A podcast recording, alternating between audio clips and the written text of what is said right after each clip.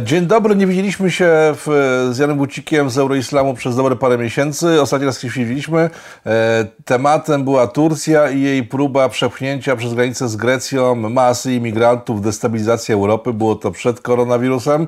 E, co się wydarzyło w ciągu tych dwóch miesięcy? Witam, e, pan Jan Wójcik, Euroislam. Dzień dobry panu, dzień dobry państwu.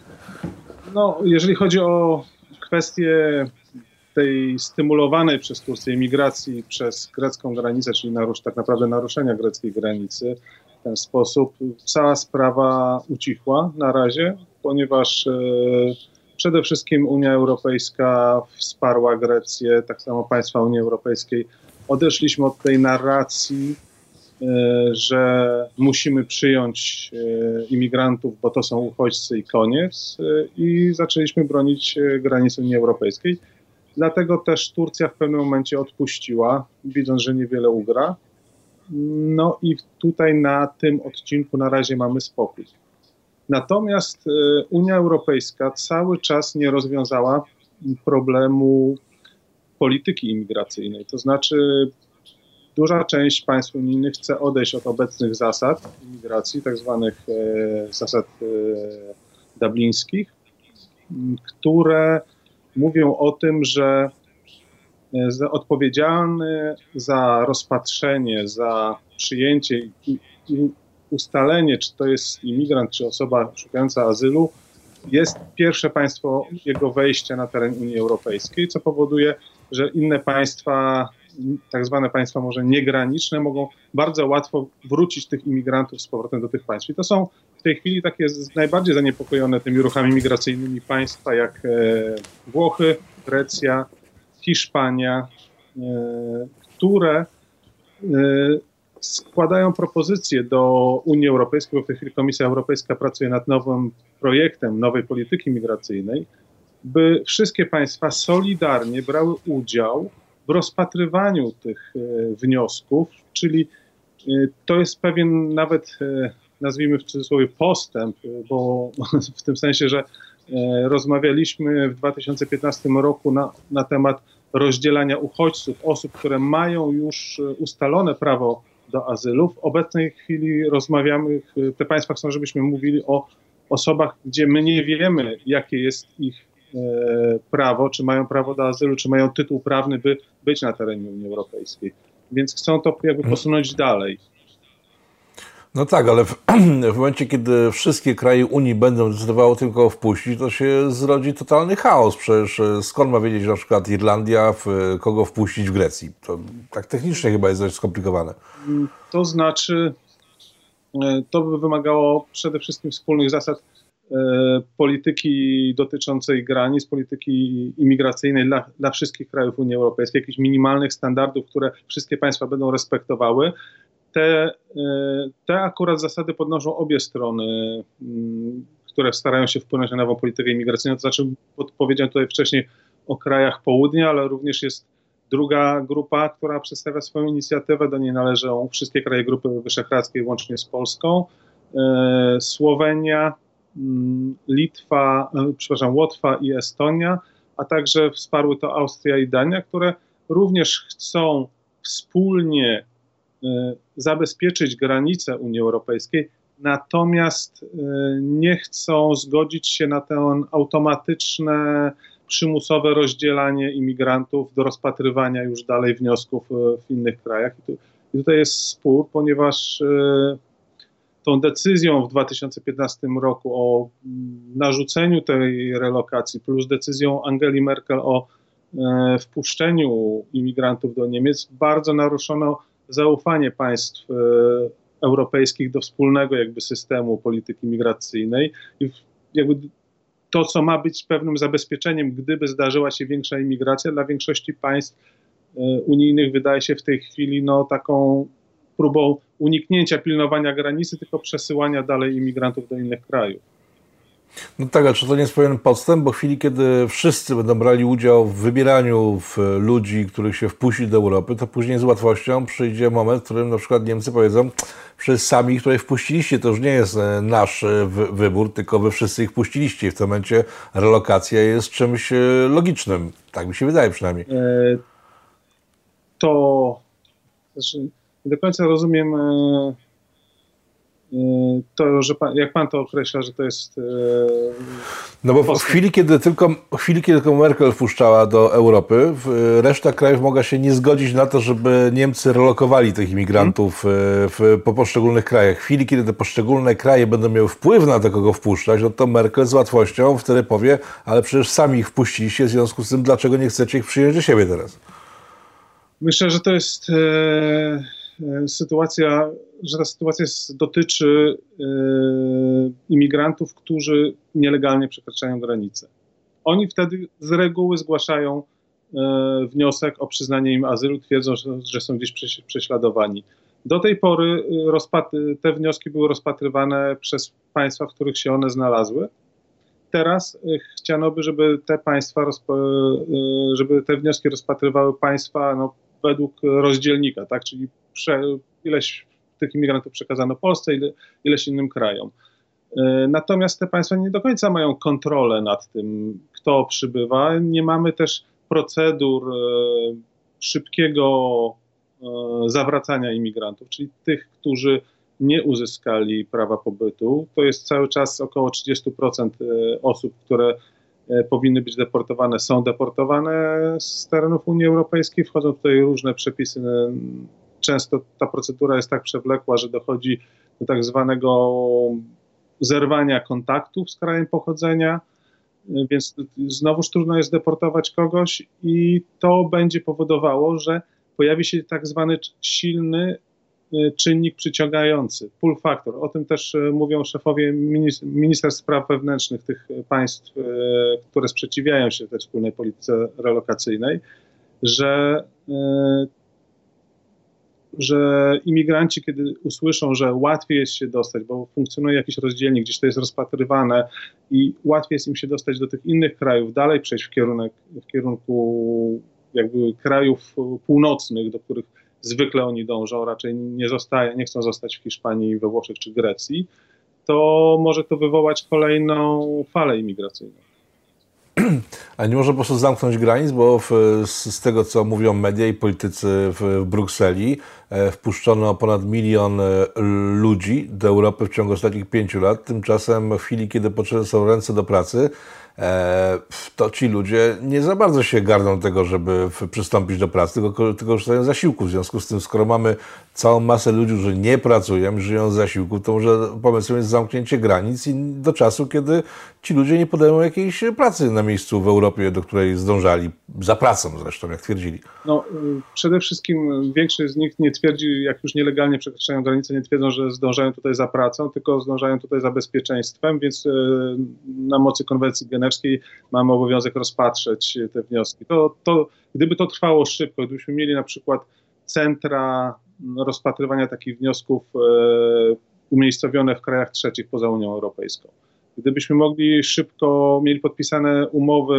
z którymi y, z innymi państwami trzecimi, gdzie możemy szybko po, rozpatrzeniu, po negatywnym rozpatrzeniu tego wniosku ich deportować, to może by nie było problemu i można byłoby im udzielać e, azylu i można by było również zgodzić się na każde państwo we własnej gestii na imigrację zarobkową, jeżeli potrzebuje ludzi do rynku, na, na swoim rynku pracy. Tak? To, to, już, to już jest polityka wewnętrzna państwa. Natomiast tego nie mamy i ta kwestia jeszcze tej dyplomacji, czyli uzależnienia często pomocy, współpracy gospodarczej, pomocy militarnej, pomocy finansowej państwom trzecim, skąd pochodzą imigranci, od, yy, od tego, czy będą współpracowali z nami przy tej polityce powrotu, to jest też kolejna propozycja tego listu państw Grupy Wyszehradzkiej plus tych kilku innych państw.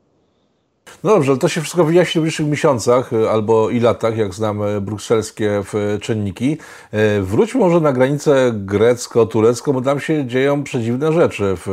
Wysocy oficerowie armii greckiej dość zaczęli nerwowo reagować na poczynania Turków. Co tam się dzieje? Co właściwie robią Turcy? Oprócz tego, że parę tygodni temu zwolnili głównodowodzącego armii chyba tureckiej, E, i robią ekspansję w Libii. E, co się dzieje w tej chwili na granicy grecko-tureckiej, tak poza imigrantami? Bo tam chyba jakiś konflikt narasta. Znaczy, po, na grecko-tureckiej granicy to już nie na tej lądowej, gdzie mieliśmy ten konflikt migracyjny. Teraz e, dzieje się to na na Morzu Egejskim, tak na, na granicę na granicach morskich trwa konflikt między Turcją a Grecją, konflikt, spór na razie o tak zwane wyłączne strefy ekonomiczne, czyli część szelfu kontynentalnego, która przynależy do danego państwa. Wiąże się to przede wszystkim z odkryciem złóż węglowodorów e, we wschodniej części Morza Śródziemnego w basenie lewantyńskim. E, te węglowodory zostały odkryte w strefie Izraela, Egiptu, Cypru. Została powołana grupa państw, do której wchodzą wymienione państwa, plus jeszcze Grecja, plus Jordania, plus autonomia palestyńska, co jest dość ewenementem, że wspólnie z Izraelem, które mają razem wydobywać e, prawdopodobnie gaz ziemny stamtąd i chciały, chciałyby zbudować rurociąg, który będą eksportować e, go do Europy. Turcja czuje się pominięta w tym podziale tortu, ponieważ na razie w jej szelfie kontynentalnym nie znaleziono złóż, zaczyna szukać wokół Cypru Północnego, czyli Turecka Republika Cypru Północnego. Tym zaczyna Turcja jakby grać, jak, która jest uznawana tylko przez Turcję w tej chwili, ale tym, tym zaczyna Turcja grać jako swoim prawem do tego szelfu, już zaczyna otaczać, wytyczać granice wokół e, całego Cypru i naruszać również strefę grecką swoimi statkami poszukiwawczymi. I, yy, I to wywołuje to, reakcję w marynarki to greckiej. To wywołuje co reakcję marynarki greckiej i tureckiej. To Grecy jasno mówią, że to jest turecka prowokacja, że to jest naruszanie tureckich granic i dochodzi już do retoryki wojennej, bo turecka armia mówi, szef, e, minister obrony narodowej Nikos Panagiotopoulos powiedział, że nawet są skłonni użyć środków militarnych, żeby się obronić. Turcja jeszcze zrobiła to, co najbardziej rozdrażniło wszystkie państwa, o którym wspomniałem, pod, zrobiła mm, dość ciekawy zabieg, czyli podpisała porozumienie o jurysdykcji morskiej z rządem libijskim, tym uznawanym przez ONZ, tym rządem e, zgody narodowej, e, gdzie podzieliła pomiędzy siebie a Libię strefy ekonomiczne, naruszając strefy Grecji, ignorując Kretę, e, tworząc jakby taki fakt prawny, który miałby ograniczyć zupełnie przesył tego gazu z Morza Wschodniego wschodniej części Morza Śródziemnomorskiego do, do Grecji dalej do Włoch. I y, to jest jakby podstawą całego teraz konfliktu, ponieważ Turcja nie chce zostać wypchnięta, używa tutaj mm, współpracy z Libią, wspiera też tą Libię, wspiera rząd, y, to, to, to, już może dalej przejdziemy do tego, wspiera rząd libijski również w działaniach militarnych. Natomiast y, to wynika z tego wszystko, że Turcja bardzo potrzebuje bardziej zależnych od siebie złóż e, ropy naftowej i gazu ziemnego, ponieważ chce wejść w XXI wiek jako potęga regionalna, a nawet potęga globalna w tym świecie mm, multilateralnym, który się teraz nam kształtuje. Uzależni tak, uzależniona od Rosji, od Iranu. Ostatnio zaczęła importować więcej gazu z Azerbejdżanu, natomiast y, no, stara się, no my Polacy to znamy, jakby stara się dywersyfikować dostawy swojego gazu, no ale najlepiej byłoby mieć y, y, własne dostawy, stąd tureckie eskapady na Morzu Śródziemnym, w Libii, a także i w Somalii, bo tam też również trwają poszukiwania i są obiecujące złoża, a Turcja, Turcji udało się naprawdę zbudować bardzo mocne relacje z Somalią. Więc Turcja, więc Turcja tutaj gra bardzo jakby szeroko, no, mówiąc kolokwialnie, e, starając się zabezpieczyć e, te dostawy i e, no, też nie cofa się przed udziałem w konfliktach. Mhm. A jak wygląda sytuacja po drugiej stronie Ciesiny Bosfor, gdzie Turcy próbowali wydobyć ropę w, w, na terenach, w których z kolei mieli konflikt z Rosjanami? A tutaj nie znam tej sprawy, więc była, była taka próba, znaczy próby, no w, w zeszłym roku były informacje o tym, że Turcy zaczynają próby poszukiwania i wydobycia ropy w, po drugiej stronie Bosforu, patrząc od, od, od, strony Morza Egejskiego i to chyba za bardzo im poszło, bo tam dość słabe złoża zostało odnalezione i właśnie stąd skierowanie na Morze Egejskie. Ale jeżeli jesteśmy przy Turcji i, w, i Libii, kiedy znowu rozmawialiśmy ostatni raz dwa miesiące temu, Turcy wtedy właśnie wysłali pierwsze oddziały do Libii. E, jak się potoczyła historia tych wojsk na terenie Libii? Bo tam chyba też się dzieją dość e, dziwne rzeczy. To znaczy tak, Turcji, Turcji udało się podpisać to porozumienie z Libią jeszcze w listopadzie ubiegłego roku i automatycznie też przystąpiła do wspierania tego rządu, no bo ten rząd, z którym podpisała porozumienie, niezbyt sobie radził z ofensywą militarną e, drugiej strony jakby w libijskim konflikcie, Khalifa, marszałka Khalifa Haftara i y, części parlamentu libijskiego, który rządzi teraz z Tobruku. I to już pod koniec ubiegłego roku to wyglądało, że Haftar praktycznie już jest w Trypolisie i no, w przeciągu miesięcy, roku cała, cały konflikt zostanie zakończony, ponieważ Haftar zwycięży. Haftar, który jest wspierany przypomnijmy, przez Zjednoczone Emiraty Arabskie, Egipt, Francję, a także Rosję. Tutaj silny e, komponent e, prywatnych e, rosyjskich najemników, Wagnerowców, którzy są tak naprawdę sterowani przez Kreml. No i tutaj włączyła się Turcja, która od początku ten rząd wspierała z Katarem, głównie też z powodów pewnej ideologicznej zbieżności, ponieważ to, to są także islamiści, tak jak w Turcji, zwolennicy politycznego islamu i większej obecności islamu w polityce. Mm, udało jej się do tej pory chyba przerzucić około 7,5 tysiąca najemników zrekrutowanych w Syrii. Według Syryjskiego Obserwatorium Praw Człowieka to też częściowo są dżihadyści Ludzie rekrutowani są tam jako najemnicy, którym płaci się nawet do 2000 dolarów miesięcznie za to, żeby walczyć po, po stronie mm, tego rządu zgody narodowej. E, wysłano tam też drony i zaczęto no, bardzo dość szybki postęp odbijania e, terytorium zdobytego przez Haftara. W tej chwili. Dzięki pomocy tureckiej, dzięki, rozumiem. Głównie bez... dzięki pomocy tureckiej. To, to głównie oni e, jakby roz, bez nich by sobie tamten rząd raczej rady nie dał. To spowodowało, że Rosjanie również zwiększyli trochę swoje zaangażowanie, to znaczy pojawiły się migi rosyjskie, które dają pewną przewagę w powietrzu, no bo Turcja tutaj z tej strony gra tym technologiczną nowością, czyli dronami, tymi samolotami bezzałogowymi.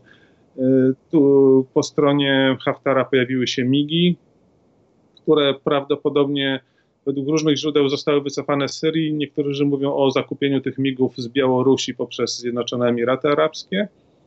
W każdym razie y, na dzień dzisiejszy Egipt y, wezwał do zawieszenia broni, żeby rozpocząć rozmowy pokojowe. Haftar chce rozpocząć rozmowy pokojowe, natomiast y, druga strona, no, widząc swoje, jakby swoją siłę, przewagę, na razie tego odmawia. Natomiast Egipt zagroził również włączenie się tutaj do wojny. To jest też y, no, konflikt w Libii jest konfliktem wielopłaszczyznowym. To znaczy, oprócz tego konfliktu tych dwóch rządów mamy poszczególne interesy, to znaczy konflikt Turcji z, i Kataru z jednej strony ze Zjednoczonymi Emiratami Arabskimi z Arabią Saudyjską z drugiej strony i Egiptem. Konflikt oczywiście Egiptu i Turcji, również gdzie w tle są te złoża ropy, złoża gazu ziemnego na terenie Morza Śródziemnego. W to włącza się również e, Rosja. Rosja, której zależy tak naprawdę na tym, żeby ten konflikt za szybko się nie skończył, bo destabilizacja Libii powoduje, że, e, że surowce stamtąd nie płyną do Europy, więc Ro, Rosja ma tutaj większą możliwość dostarczania swoich surowców. E, poza tym cały chaos pozwala też cały czas szantażować Europę kolejnymi falami migracyjnymi, które przez tą Libię się przedostają. A jak teraz wygląda w takim razie sojusz e, turecko-rosyjski, który był dość silny, mimo zestrzelenia samolotów rosyjskiego i paru innych perturbacji? Tam przypominam, że ambasador został zastrzelony w Turcji, ale jednak ten sojusz e, energetyczny, między innymi rosyjsko, e, rosyjsko-turecki rozkwitał, a w tej chwili, z tego co słyszę, są po dwóch stronach pola bitwy w Libii, Rosja i Turcja. Oni cały czas są po dwóch stronach pola bitwy, w Syrii też są po dwóch stronach pola bitwy. I to jest, ale jednak współpracują. Współpracują i grają ze sobą. To jest może nie sojusz, ale gra. No, gra interesów. E, zwłaszcza e, tutaj dało się zauważyć e, w dniach właśnie dziś, w tym, co się wydarza teraz przy zawieszeniu broni w Libii, zwiększyły się ataki syryjskie na Turcję w Idlibie w Syrii po to, żeby pokazać jakby Turcji, wymóc więcej na Turcji, więcej ustępstw w Libii. Tutaj Obydwa kraje e, na pewno chcą e, w jakiś sposób kontrolować te terytoria, częściowo. Nie do końca ten konflikt między nimi jest konfliktem e, między. No one wspierają dwie, dwie, może tak, wspierają dwie różne strony konfliktu, same nie wchodząc ze sobą w ten konflikt. Nie ma unikają bardzo walk między swoimi wojskami, między swoimi żołnierzami. Tutaj bardzo starają się, e, żeby to inni umierali za ich interesy. Natomiast e, no, mają współ, też wspólne interesy, to znaczy, jeżeli Turcja chciałaby zabezpieczyć dostawy gazu ziemnego z Morza Śródziemnego do siebie, to tak samo Rosja by nie chciała, żeby te dostawy popłynęły do Europy. Więc jakby ich wspólnym na przykład interesem jest to, żeby nie doszło do, do, tej, do eksploatacji tych złóż i eksportu do Europy. Więc, więc to choć, chociażby łączy te dwa kraje. Ale z drugiej strony rzeczywiście są też, też sprzeczne interesy, no i jako, jakaś ta gra y, musi być tutaj, no, starają się balansować. Gdyby Rosja chciała wyłączyć Turcję, wystarczyłoby, żeby odcięła od energetyków Turcji. W tym momencie Turcja byłaby na kolanach, także to chyba można powiedzieć, że Rosja nie, nie za bardzo chce osłabiać Turcję w tym, w tym regionie, bo jest jej to na rękę. No ale popatrzmy też, że na, na przykład Rosja sprzedała Turcji te systemy rakietowe S-400 i no chodziło generalnie o to, żeby skłócić Turcję ze Stanami Zjednoczonymi NATO, a nie do końca Rosji już zależy, żeby tą Turcję do końca wyposażać w tą broń. Jeżeli już mówimy tutaj o konflikcie mm, wewnątrz NATO, no Syria też jest takim miejscem tego konfliktu, bo z jednej strony mamy Francję, która wspiera Haftara, a z drugiej strony mamy Włochy, które wspierają e, ten rząd zgody narodowej, z którą do, z, w tej chwili może mniej jasno, ale do tej pory jakby udzielały poparcia. Włochy również sprzedały jednej stronie z konfliktów, czyli Katarowi, podpisały kontrakt na 5 miliardów dolarów, zdaje się, na sprzedaż e, statków, okrętów wojennych do, dla Kataru, które no nie wiadomo, czy one nie skończą ostatecznie gdzieś w Libii. Czyli ta solidarność europejska dość pogmatwana się wydaje. No. Włosi z Francuzami przeciw Rosjanom. Francuzi z Grekami przeciwko Turcji w, w tym konflikcie o złoża. To, to, też trzeba wspomnieć, że e, Francja, Grecja, Cypr, Egipt i Izrael podpisały wspólne porozumienie nazwijmy je antytureckie, które będzie się sprzeciwiało jakiejkolwiek e, próbom Turcji nielegalnego wiercenia w szelfie kontynentalnym innych państw. Więc e, jakby tutaj wewnątrz NATO jest dużo różnych konfliktów. No, głównym wygranym jest e, tutaj chyba Rosja, a głównym przegranym zdaje się być Unia Europejska, która no, cały czas nie ma tej wspólnej polityki, stabilizowania regionu wokół siebie. Czyli co, każde z państw członkowskich unijnych ma własną politykę i szarpie po swoją stronę. Jeżeli konflikt e, między Włochami a Francuzami wchodzi w grę, to nie ma możliwości, żeby się porozumieli w imię wspólnej Europy, tylko ciągle są państwa narodowe, które grają pod siebie. Tak to należy rozumieć. Tak to należy rozumieć, że państwa narodowe cały czas jakby są silne wewnątrz Unii Europejskiej i Oczywiście nie jest to konflikt bezpośrednio między nimi, natomiast no, każdy ciągnie w swoją stronę. Jak sytuacja e, izraelsko-turecka, bo oni w dużym konflikcie byli jeszcze parę lat temu, ciągle zresztą są, ale mają wspólnego wroga, czyli Syrię, tak? Jak wyglądają stosunki izraelsko-tureckie w tej chwili? No, stosunki izraelsko-tureckie to wspólny wróg Syria, to tylko wynika z tego, że no, jakby tym wrogiem jest Assad i, i, i cały układ związany z, z, Iranem, aczkolwiek Turcja znowuż z Iranem bardzo mocno podkręcała tą e, retorykę antyizraelską, więc tu znowuż mamy taki układ, e, gdzie, gdzie nie można powiedzieć, że to, że, że wróg twojego wroga, że mamy wspólnego wroga, to jesteśmy razem przyjaciółmi, więc e, ten konflikt właśnie też z Izraelem narasta też z Turcją wokół e, złóż tych węglowodorów. Ja myślę, że to będzie kluczowa sprawa dla przyszłości e, całego regionu.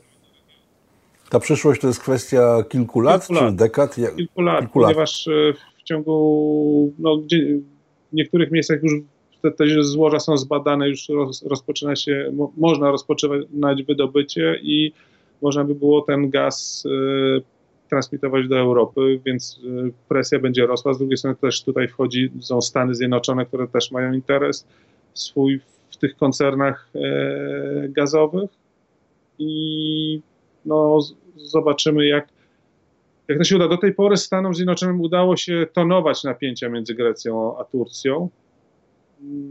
Te, te napięcia jakby te też nie są nowe. Grecja z Turcją walczyły już walczyły. Też miały taki konflikt dość zimny, aczkolwiek e, związany z naruszaniem przestrzeni morskiej i powietrznej w latach 80., 90. Stanom udało się to jednak stonować w imię jakby wspólnych interesów w ramach NATO. Natomiast znowuż e, to odżywa, no bo Grecja może czuć się sprowokowana, jeżeli Turcja z Libią podpisały to rozdzielenie stref, stref e, tą, tą umowę o rozdzieleniu tych stref, wyłącznych stref ekonomicznych, to Grecja może czuć się sprowokowana, żeby próbować przedłużać e, e, swoje wody terytorialne. W tej chwili one wokół ich wysepek wynoszą 10 mil morskich, e, zdaniem Grecji, zdaniem Turcji 6. Grecja może teoretycznie próbować je przedłużać do 12 mil morskich to może wydawać się niewielkie ilości kilometrów, ale przy tej ilości wysepek powoduje to, że cały dostęp do Bosforu może być e, pod e, taką jurysdykcją prawną tylko Grecji. Jeszcze z roku wydawało się, że Turcja zerwała się z amerykańskiej smyczy i zacznie prowadzić własną politykę. E, zaczęło się chyba zaraz po zamachu stanu, który Erdogan przejął na, swoje, na swoją rzecz. Jak dzisiaj wyglądają stosunki amerykańsko-tureckie? Pomyśl, że Amerykanie uspokajają Turcję, czyli mają wpływ na to, co się dzieje w Turcji, czy, czy, czy, czy wręcz przeciwnie, są tylko próby i one będą nieudane w finale? Ja myślę, że Erdogan jest zbyt słaby, żeby prowadzić e, samodzielnie e, politykę. Czyli tu Turcja nie jest w stanie samodzielnie stanąć wobec innych państw, musi cały czas balansować różne, różne na, na, grać na różnych sojuszach, więc NATO i Stany Zjednoczone cały czas są potrzebne, bo, bo inaczej zostaną sam na sam z Rosją i to nie będzie już sytuacja korzystna, tak? I to się źle skończy. No, zresztą Turcja, jakby Rosja daje też po, czasami odczuć e, Turcji, kto prowadzi w tym tandemie. E, więc e, Turcja zaczyna zabiegać coraz bardziej o poparcie Stanów Zjednoczonych i Erdogan mocno inwestuje w bezpośrednie relacje z Trumpem. Telefony, rozmowy, próbuje stworzyć też taką relację przyjacielską. I y, to, to... Udaje mu się to po tym wszystkim, co zrobił tak, w ostatnich się, latach? Mu się to trochę udaje, dlatego że Stany Zjednoczone również mają interes w tym, żeby powstrzymywać Rosję. Tutaj Rosja może, tutaj Turcja może być po, postrzegana jako kraj, który wiąże Rosję w Libii, wiąże Rosję w Syrii, więc jest w jakiś sposób w interesie Stanów Zjednoczonych. No i trzeba oddać szacunek, mm, jakbyśmy nie oceniali moralnie i, w ogóle całej polityki Erdogana, to trzeba mu oddać szacunek, że no potrafi grać na wielu stolikach naraz i, i prowadzić taką szeroką politykę do, dość ryzykowną. Jak, ja na początku tego roku myślałem, że już Zadar z taką ilością państw, że, że jego rządy się gdzieś w pewnym momencie skończą. Tutaj analityk właściwie dyrektor teraz programu bliskowschodniego PISM, Karol Wasilewski, trochę wyprowadza mnie z błędu, mówi, że to już nie pierwszy raz, kiedy, kiedy Erdogan zadziera prawie już ze wszystkimi i, i dalej utrzymuje się i przy władzy, i dalej prowadzi swoją no tak, ale mówiono też, że Erdogan wywróci się, bo gospodarka ledwo zipie. Tymczasem z tego, co słyszę, musi mieć się nieźle, bo w kraju, który toczy wojny na kilku frontach z wieloma państwami, no to ten kraj musi mieć pieniądze na to. Tak jak wygląda kwestia gospodarki tureckiej w, dziś? Znaczy, umówmy się też tak, że to zaangażowanie tureckie nie jest aż tak kosztowne. Znaczy, w Libii to są najemnicy, to jest około 7,5 tysiąca najemników, w tej chwili ma być ich 10 tysięcy wysłanych e, do Libii, to nie, nie musi nadwyrężać mocno budżetu tureckiego. E, oczywiście gospodarka ostatnio mocno straciła w czasie koronawirusa, bardzo spadła lira w stosunku do dolara, przekroczyła w tym momencie nawet taki poziom 7 e, lir za dolara.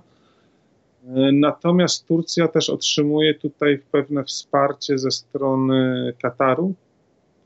To jest też taki ciekawy tandem, gdzie Katar wspiera Turcję gospodarczo, finansowo, deklaruje różną pomoc, a Turcja zapewnia ochronę militarną w konflikcie Kataru z innymi krajami Zatoki Perskiej. Ten konflikt się właśnie przenosi też do Libii. No ale to w takim razie Erdogan jest geniuszem.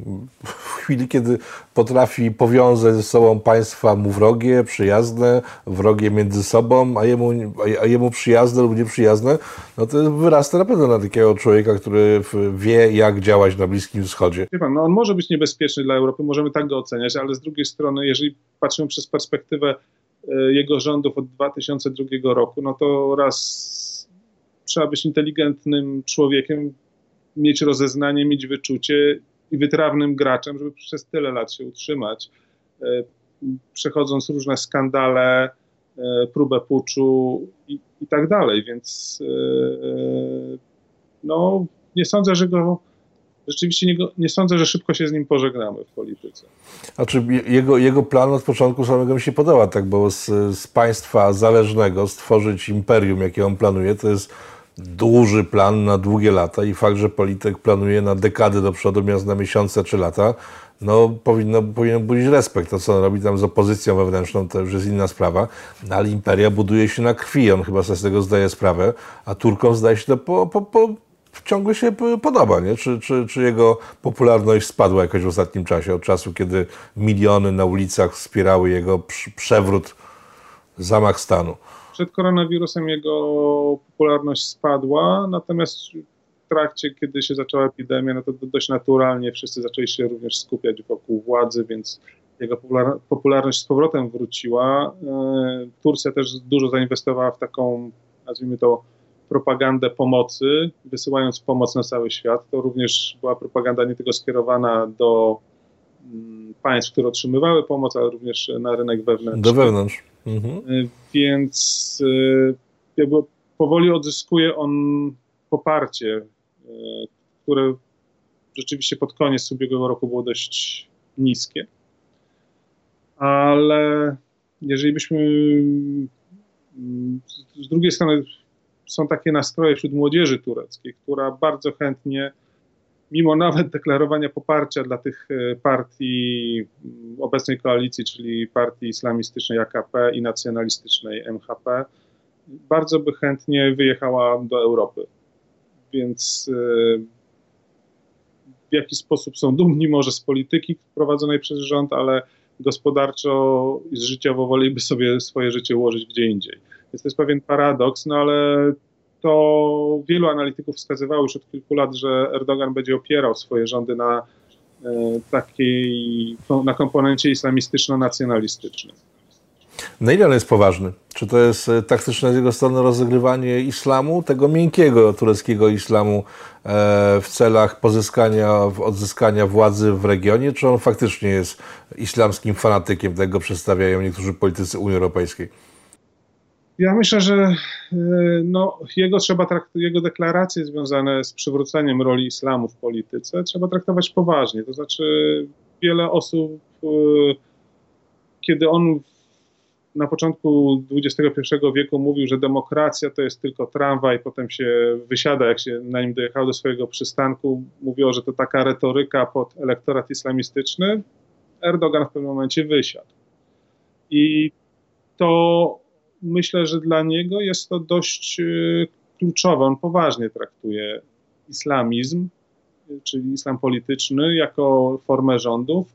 I po tym fiasko mm, tej, tej polityki neosmańskiej, tej, tej polityki, która miała odbudować y, potęgę Turcji na terenie byłego e, Imperium Osmańskiego, e, Erdogan e, przyjął taką politykę wspierania rządów podobnych ideologicznie. I to jest sytuacja i w Libii na przykład, i sytuacja w Somalii, i sytuacja również w Syrii, gdzie Idlibie wspiera islamistów, tak, a nawet do pewnego stopnia akceptując e, dżihadystów w szeregach e, wojsk sprzymierzonych z Turcją. Więc... No, korzysta, korzystając z Al-Kaidy na swoje potrzeby, także tak, to też tak. o czym świadczy. Więc y, myślenie, że Erdoğan y, w jakiś sposób y, traktuje te rzeczy tylko użytecznie, to myślę, że no to, to jest, jest błąd. Tak? Ra, raczej bym, bym traktował, że no, jest to ideologiczny komponent jego polityki. Mhm. Uda mu się to? Jak pan oceni najbliższe na przykład pół roku? Mówi pan o paru miesiącach, które są potrzebne do eskalacji konfliktu na Morzu Egejskim. E, za ile się teraz spotkamy, żeby ocenić, e, czy Erdoganowi się udało w ten konflikt wejść i wyjść z łatwością, czy, czy, czy, czy zagmatwa się w jakąś długoletnią, no nie chcę powiedzieć wojnę, bo tam chyba do wojny na poziomie państw NATO nie dojdzie, ale jeszcze ostrzejszy konflikt do tej pory. Myślę, że jeżeli chodzi o to, że on może powstrzymać wydobywanie i przesyłanie tego gazu, to może mu się to udać, bo może to w jakiś sposób blokować. Natomiast z drugiej strony to, czy Turcja sama zacznie wydobywać e, gaz w tamtym rejonie, to mhm. wątpię. I za dużo jest tutaj silnych przeciwników. Egipt coraz mocniej też wchodzi do gry, bo e, to już nie jest ten konflikt, kiedy Erdoğan wsparł Bractwo Muzułmańskie w Egipcie, czego jakby Muslisi nie chce zapomnieć, ale to jest mhm. również e, teraz konflikt o konkretne e, pieniądze. Więc e, to myślę, że Turcja ma pewien problem, czy ona będzie w stanie jednak e, e, gospodarczo utrzymać aktywność w wielu różnych miejscach. Bo ja już tutaj mówiłem, mówiłem mówiliśmy o Libii, mówimy o Morzu, Śródziemnomor Morzu Śródziemnomorskim. Wspominaliśmy... No, mówi Pan o, roz, o rozdawnictwie finansowym na prawo i lewo i to też zastanawia skąd kraj, który ponoć ma kłopoty gospodarcze, jednak stać na tak szerokie no działania. w Somalii tam to nie jest tylko rozdawnictwo, to jest inwestowanie gospodarcze.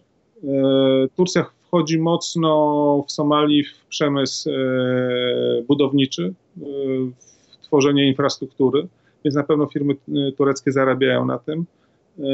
Tureckie dobra praktycznie wyparły w Somalii chińskie, dobra konsumenckie, więc to jest też dość ciekawy efekt. W Somalii ludzie uczą się jako drugiego języka tureckiego, żeby mieć możliwość studiowania w Turcji więc to jest cała taka, w Somalii taka, mm, można nazwać cały projekt nation building, tak? czyli odbudowy państwa, bo Somalia, przypomnijmy, jeszcze jest państwem upadłym. Turcja podobnie z działaniami takimi gospodarczymi wychodzi w innych regionach, e, Sah na, na, Sahelu. Więc e, z jednej strony jest to duże rozciągnięcie, z drugiej strony to rozciągnięcie nie polega na tym, że przyjeżdża dobry wujek i sypie kasę. Czyli co, Turk z takiej, z takiej pozycji człowieka, który kojarzony był z wojną i zagrożeniem militarnym, przechodzi powoli na pozycję człowieka, który pozyskuje zwolenników gospodarczo i ideologicznie, tak? Tak to można z, Tak można to ująć, dlatego że Turcja w Afryce, zwłaszcza którą się teraz bardzo zainteresowała, nie uchodzi tutaj za państwo związane z byłymi koloniami, jak Francja, E, jak nie uchodzi jak Stany Zjednoczone czy Rosja za tą pozostałość tego konfliktu zimnowojennego, gdzie jedno i drugie kraj próbowały wykorzystać państwa afrykańskie dla swoich potrzeb, tak? Więc wchodzi z taką czystą kartą, z, nawet można pomyśleć pewien, pewnej takiej bratniej pomocy kraju o podobnych y, korzeniach kulturowych, tak? I, i y, opartych na religii, więc, y, więc to gra na korzyść Turcji. Czy Turcji uda się to wykorzystać, bo to jest duży projekt, a Turcja no, aż tak dużym krajem nie jest. Natomiast w Somalii może twierdzić, że bardzo jej się to udaje. Możemy też powiedzieć, że to, co wydarzyło się w Libii, to też jest jakiś sukces w tej chwili turecki, czyli odparcie, praktycznie odsunięcie tego upadku rządu zgody narodowej. Więc na razie dużo, dużo w Afryce jakby przemawia na korzyść Turcji, ale ma też swoich adwersarzy i myślę, że oni zaczną. No to normalne. Tak. Ale paradoksem byłoby, gdyby, gdyby Turcja ustawiła Somalię i Libię po tym, jak te kraje upadły i wydawało się, że tam zapanuje już totalna anarchia. Ale to zobaczymy sobie w ciągu najbliższych miesięcy w takim razie. Ja bardzo dziękuję za spotkanie. Pan Jan Wójcik, Euroislam.pl był Państwa gościem. Zapraszam na kolejne spotkania, także z Panem Janem. Do, Do zobaczenia. zobaczenia.